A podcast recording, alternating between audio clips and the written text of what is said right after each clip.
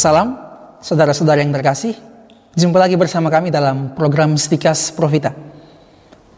Apakah orang Katolik mengakui 10 perintah Allah? Seorang kenalan kami bertanya, keselamatan itu ada dalam Yesus karena ia adalah jalan, kebenaran, dan hidup. Kalau demikian, apakah kita masih mengakui 10 perintah Allah atau dekalog umat Yahudi? Ini sama saja dengan pertanyaan begini. Yesus adalah juru selamat satu-satunya dan ia telah membentuk umat baru. Apakah kita masih mengakui perjanjian lama milik bangsa Yahudi? Jadi jelas kita tetap mengakui perintah-perintah ini. Meskipun puncak keselamatan kita dalam Yesus Kristus. Yesus sebagaimana diceritakan dalam perjanjian baru datang bukan untuk menghapus atau meniadakan hukum-hukum perjanjian lama termasuk dekalog, melainkan untuk menggenapi atau menyempurnakannya. Kisah yang paling menarik bagi kita dalam perjanjian baru adalah ketika seorang pemuda kaya datang kepada Yesus dan, menanyakan, eh, dan menanyakan pertanyaan yang menggelisahkan hatinya.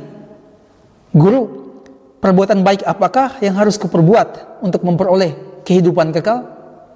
Lalu dalam cerita itu, Yesus menjawab sang pemuda salah itu.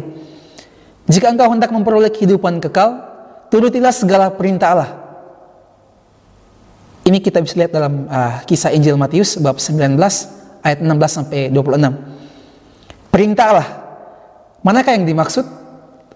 Dalam cerita selanjutnya Yesus menyebut beberapa perintah uh, beberapa perintah dari Dekalog. Artinya Yesus tetap mengakui perintah-perintah dalam Dekalog dan masih tetap harus dijalankan oleh para pengikutnya agar mencapai hidup yang kekal. Kedatangan Yesus sama sekali tidak menghapus perintah-perintah ini atau mengurangi daya ikatnya. Ajakan Yesus kepada pemuda saleh itu menjadi ajakan kepada setiap pengikutnya agar menaati perintah-perintah dalam dekalog itu. Tetapi kalau demikian, apa yang menjadi hal baru dengan kedatangan Yesus? Dikatakan bahwa Yesus mengambil alih sepuluh firman Tuhan itu. Ini dipahami bahwa Yesus mewahyukan kekuatan roh yang bekerja dalam hukum-hukum ini.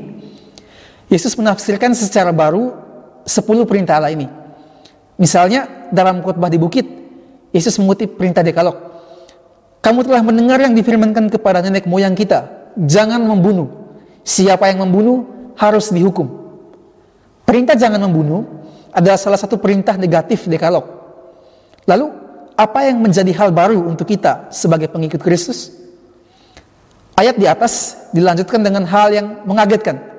Yesus melanjutkan, "Tetapi aku berkata kepadamu, setiap orang yang marah terhadap saudaranya harus dihukum." Bagi Yesus, membunuh atau dosa membunuh tidak disempitkan pada pembunuhan fisik seseorang, melainkan juga dalam hal kemarahan. Kemarahan adalah suatu pembunuhan. Contoh lain, bagaimana Yesus meminta para pengikutnya untuk menjalankan perintah dekalog ini adalah dalam hal perintah cinta kasih. Ada orang yang bertanya kepada Yesus, Guru, hukum manakah yang terutama dalam hukum Taurat? Yesus menjawab, Kasihilah Tuhan Allahmu dengan segenap hatimu dan dengan segenap jiwamu dan dengan segenap akal budimu. Itulah hukum yang pertama dan terutama.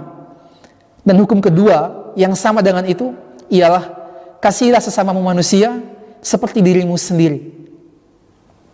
Lalu terhadap perintah cinta kasih kepada Allah dan kepada sesama ini, Yesus mengatakan, pada kedua hukum inilah tergantung seluruh hukum Taurat dan perintah para nabi.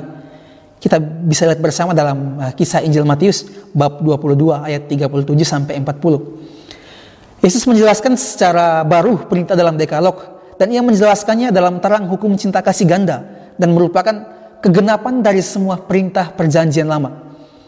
Yesus membawakan perintah cinta kasih ganda cinta kepada Tuhan dan kepada sesama. Kalau menjalankan perintah cinta kasih ini dengan baik dan dengan hati yang murni, sudah dengan sendirinya kita telah menjalankan perintah-perintah dalam dekalog. Meskipun Yesus tidak pernah mengatakan perintah-perintah dekalog harus dihapus karena perintah baru telah diberikan, yaitu perintah cinta kasih. Sebaliknya, kalau kita melaksanakan hukum cinta kasih, pasti perintah-perintah lain dijalankan. Kita tidak dapat mengatakan saya sudah menjalankan perintah cinta kasih. Padahal kita masih sering marah kepada sesama.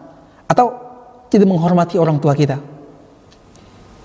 Menjalankan perintah cinta kasih harus tercakup di dalam menjalankan perintah dekalog.